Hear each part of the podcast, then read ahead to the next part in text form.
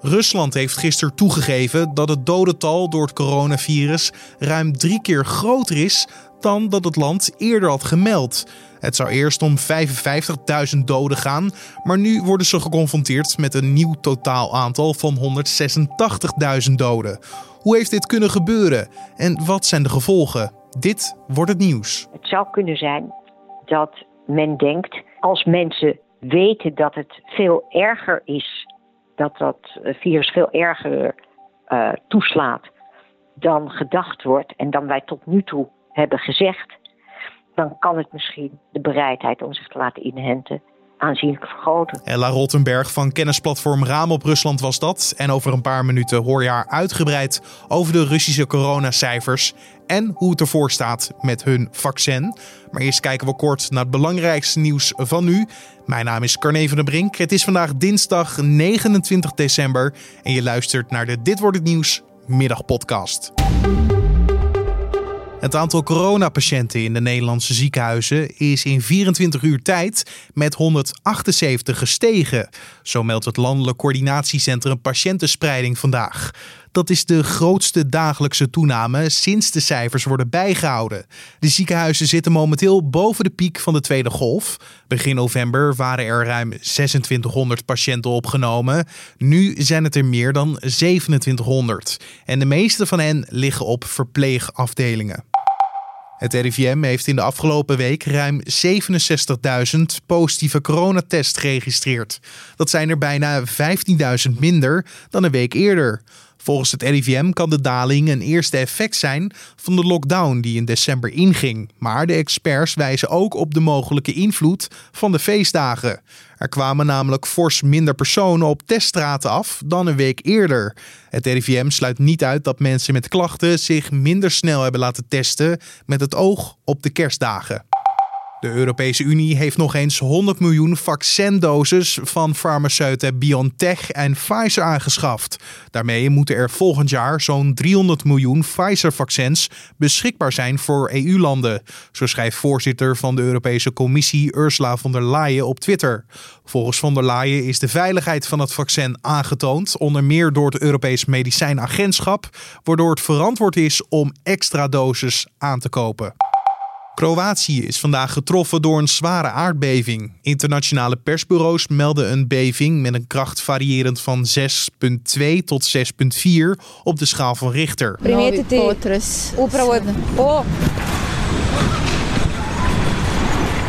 Volgens de hulpdiensten zijn er veel gewonden. Ook zou volgens lokale media een 12-jarig kind in het epicentrum zijn omgekomen. Het Kroatische Rode Kruis meldt op Twitter dat daar sprake is van een zeer ernstige situatie. Dan gaan we het hebben over Rusland en hetgeen wat ze gisteren hebben toegegeven. Ze gaven namelijk toe dat het sterftecijfer door het coronavirus ruim drie keer hoger is dan tot nu toe officieel werd gemeld. 186.000 doden in plaats van 55.000. Waardoor komt dit en hoe opmerkelijk is dat een land zoals Rusland zijn eigen fouten toegeeft? Dat vraag ik aan Hella Rottenberg van kennisplatform Raam op Rusland. De reden is dat het uh, bureau het landelijk, het federale bureau voor de statistiek, de oversterfte over ja, elf maanden gemeld heeft. Ze melden altijd uh, oversterfte, maar dat wordt ja, met vertraging worden die cijfers eigenlijk vrijgegeven. En nu is dat cijfer vrijgegeven en dat blijkt 230.000 te zijn. Uh, een, een, oversterfte van uh, 14 procent. Dus een, een, een, grote oversterfte. In Nederland is dat 9, tot, vastgesteld als 9,4 dit jaar. En dat kan je niet meer ja, negeren, zo'n cijfer. Tot nu toe werd wel in Moskou uh, steeds uh, de cijfers van oversterfte gemeld. Die waren echt aanzienlijk, waaraan je ook kon aflezen dat die sterfte van COVID hoger moest zijn dan de officiële cijfers uh, steeds melden. Maar nu wordt het landelijke cijfer vrijgegeven en daar, daarin wordt het dan bevestigd dat die oversterfte aanzienlijk is. En uh, vervolgens heeft de vicepremier, mevrouw Golikova, uh, gezegd dat 80% van die oversterfte toe te schrijven valt aan de rechtstreekse gevolgen van COVID of de ja, indirecte effecten van, van het virus. Waarom schrijven ze dat nu wel toe uh, aan corona en eerder niet? Dat wordt niet gezegd. Tot nu toe werd steeds bij die 55.000 die tot nu toe is uh, gemeld en die nog steeds staat op de officiële site van stop, stopcoronavirus.rf. Daar, daar wordt nog steeds dat uh, cijfer van 55.000 gemeld. Dat zijn de COVID-doden die postmortem zijn vastgesteld als de eerste doodsoorzaak is corona. Als mensen uh, andere ziektes hadden waaraan ze konden overlijden en ook corona hadden, dan is dat niet geregistreerd als uh, corona. En de vraag is dan nu, hebben ze na al die tijd toch uh, dat aantal toegeschreven aan corona, COVID-19? Ja, of ze dat allemaal hebben gedaan, maar in ieder geval zeggen ze 80% van de oversterfte kan worden toegeschreven aan, uh, aan, aan corona. En dat is tot nu toe, dat is echt een grote verandering. En het is dan nu erkend dat het werkelijke aantal doden veel hoger is dan eerst werd gedacht. Is dat heel nieuw voor velen of waren er al kritische geluiden? Ja, die waren er al. Er is een, uh, een demograaf die werkte bij het Federale Bureau voor de Statistiek, zeker Alexei Raksha. En die is in juli daar, uh, heeft hij zijn ontslag genomen, omdat hij uh, ruzie had op de manier, over de manier waarop de gegevens over corona werden verwerkt en naar buiten kwamen. Hij moest weg nadat hij in het openbaar kritiek had geleverd. En um, hij zei in het begin van het najaar al van dat de cijfers zo afweken van de werkelijkheid dat je erop moet rekenen dat er drie keer zoveel doden in feite aan corona door corona zijn gevallen dan uh, is gemeld. En dat blijkt nu uit te komen. Hij verwacht ook dat het aantal uh, doden oversterfte dit jaar veel hoger nog zal zijn dan die uh, 230.000 die nu zijn gemeld. Hij heeft het over 300.000, omdat ten eerste november en december er nog bij moeten komen, die heel hoge oversterfte te zien zullen ze geven. En dat die cijfers nog in de loop van volgend jaar worden bijgesteld naar de werkelijkheid en dat dat vaak hoger uitvalt dan aan het eind van het jaar. Want hoe opmerkelijk is het sowieso dat ze er nu eh, mee naar buiten komen? Ik vind het heel opmerkelijk. En er wordt eigenlijk geen argument uh, voorgegeven waarom die cijfers nu ineens zo worden gepresenteerd. En het enige dat ik kan bedenken is dat het iets te maken heeft met, uh, de, met de uh, vaccinatiecampagne die begonnen is. de bereidheid van mensen om zich te laten vaccineren is niet hoog. Die is onder de 40 procent. En die is sinds augustus niet omhoog gegaan. Hoewel het virus in die tweede golf enorm hard heeft toegeslagen. En het zou kunnen zijn dat men denkt, als mensen weten dat het veel erger is, dat dat virus veel erger uh, toeslaat dan gedacht wordt en dan wij tot nu toe hebben gezegd, dan kan het misschien de bereidheid om zich te laten inhenten aanzienlijk vergroten. En het strookt ook niet met het beeld wat Poetin eerder schetste van hoe Rusland in de coronacrisis staat. Dat, dat zij het allemaal onder controle hebben en dat ze het veel beter doen dan andere landen. Nee, dat kijk, ze vertrouwen. De, er is gekeken naar in die enquêtes waarom mensen dat niet willen. Dat is niet um, onoverkomelijk hoor. Mensen willen het nog niet, omdat die derde testfase van de, de Sputnik 5 nog niet is afgerond. Dus we willen eerst kijken of, er, uh, of die testfase ook net zo gunstig uitpakt als die eerdere testfases, of dat, dat vaccin deugt. En de tweede reden die mensen opgeven is, ja, we, kennen, we vertrouwen het niet helemaal, we kennen de bijwerkingen niet. En slechts 12% in deze enquêtes die gehouden zijn, zegt, ja, ik zie de zin überhaupt niet in van, uh, van het te laten inenten.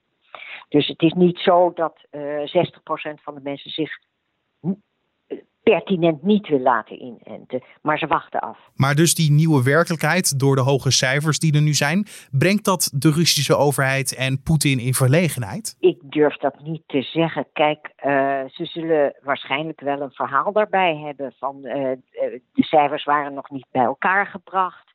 Uh, we hebben ze nu bij elkaar opgeteld. De regio's hebben niet tijd, tijdig hun gegevens aan Moskou doorgegeven iemand zal, of, verschillende mensen zullen wel de schuld ervan krijgen. Maar als je naar de huidige coronamaatregelen in Rusland kijkt, denk je dat ze die zullen verstrengen nu er ja, toch wel serieuze cijfers naar buiten zijn gekomen? Nou, op dit moment zijn, is er dus, zijn er uh, de regio's zelf verantwoordelijk voor de maatregelen, uh, voor coronamaatregelen. Uh, en die zijn over het algemeen niet zo strikt als hier. Dus er is een mondkapjesplicht in het openbare leven. En uh, er zijn uh, de, de grotere bijeenkomsten worden niet gehouden. Maar voor de rest mag men zich wel bewegen. En uh, ook in het openbaar vervoer. En is, het, is het niet zo strikt. En ik weet niet of dat nu gaat veranderen. De, de cijfers zouden daar wel aanleiding toe geven. Maar in begin januari de kerst en, en dergelijke is allemaal 13 dagen lager, later in Rusland vanwege de oude kalender. Dus juist vanaf eind december tot en met 13 januari is het vakantie. En komen mensen bij elkaar. Ik heb geen idee of ze daar nu extra maatregelen gaan nemen om dat uh, te beperken. Zoals je net al aangaf, de meeste ogen zijn nu gericht natuurlijk op het Russische vaccin, uh, de Sputnik 5. Hoe staat het met uh, ja, sowieso het vaccinprogramma, de uitrol ervan en, en de productie van het vaccin? Men is op 5 december begonnen met uh, de eerste mensen te vaccineren. er werd gezegd dat er een flink aantal miljoen, ik geloof 2 of 3 miljoen vaccins aan het eind van dit jaar nog geproduceerd en gedistribueerd zouden zijn. Dat halen ze op geen stukken na. Uh, de, de, producent zegt dat er nu 700 doses ge, uh, klaar zijn en afgeleverd zijn. En uh, nou, men begint in Moskou ook te vaccineren. men is begonnen met artsen, leraren en ander ja, overheidspersoneel.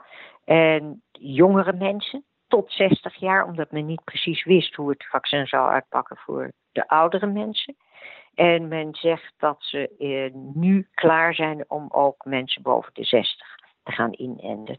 Poetin zal zich, heeft gezegd dat hij zich ook binnenkort zal laten inenten. Al met al kunnen we dus blijven concluderen dat Rusland het altijd op zijn eigen manier zal doen. Ook de bestrijding van het coronavirus. Denk je dat er nog wel iets zal gaan veranderen nu we nieuwe informatie hebben? Nou, kijk, deze cijfers geven aan dat ze erkennen dat uh, corona een, een uh, enorm veel slachtoffers uh, heeft geëist en eist. Want uh, de, het virus verspreidt zich ook nog uh, heel erg snel. En ook in de provincie, de medische situatie is daar echt ja, rampzalig. Als je verhalen leest van artsen, ziekenhuizen en patiënten. dus dat, dat schreeuwt om maatregelen of die worden genomen. Is, is een tweede, maar dat sluit ik absoluut niet uit. Want je kunt nu niet meer negeren dat uh, corona in Rusland uh, een, een, hele ernstige uh, aanslag heeft gepleegd op, op de gezondheid en het doodtal. Het is nu, als je deze cijfers ziet, is Rusland staat op de derde plaats van het aantal doden na de Verenigde Staten en Brazilië. Dankjewel, Hella Rottenberg van het kennisplatform Raam op Rusland. En dan het weer. Het blijft bewolkt en op veel plaatsen valt af en toe regen of motregen. De temperatuur ligt tussen de 2 en 6 graden. Ook vannacht overheerst de bewolking en daardoor wordt het niet kouder dan 2 graden. Morgen is het iets zachter met maximaal 7 graden. Opnieuw valt af en toe regen, maar in het zuiden breekt ook de zon soms door. En dit was dan de Dit wordt het nieuws podcast voor deze dinsdagmiddag 29 december. Je vindt ons in de ochtend en middag op de voorpagina van nu.nl en in je favoriete podcast app, zoals een Spotify, Apple Podcast of Google Podcast. Help ons deze podcast beter te maken door ons ja, heel erg blij te maken met een mailtje te sturen naar podcast.nu.nl. Zet erin wat je goed vindt aan de podcast, wat je wat minder vindt aan de podcast en help ons met feedback en dus suggesties. Laat het ons weten via ons mailadres podcast.nu.nl. Mijn naam is Carne van der Brink. Bedankt voor het luisteren en nog een hele mooie dag.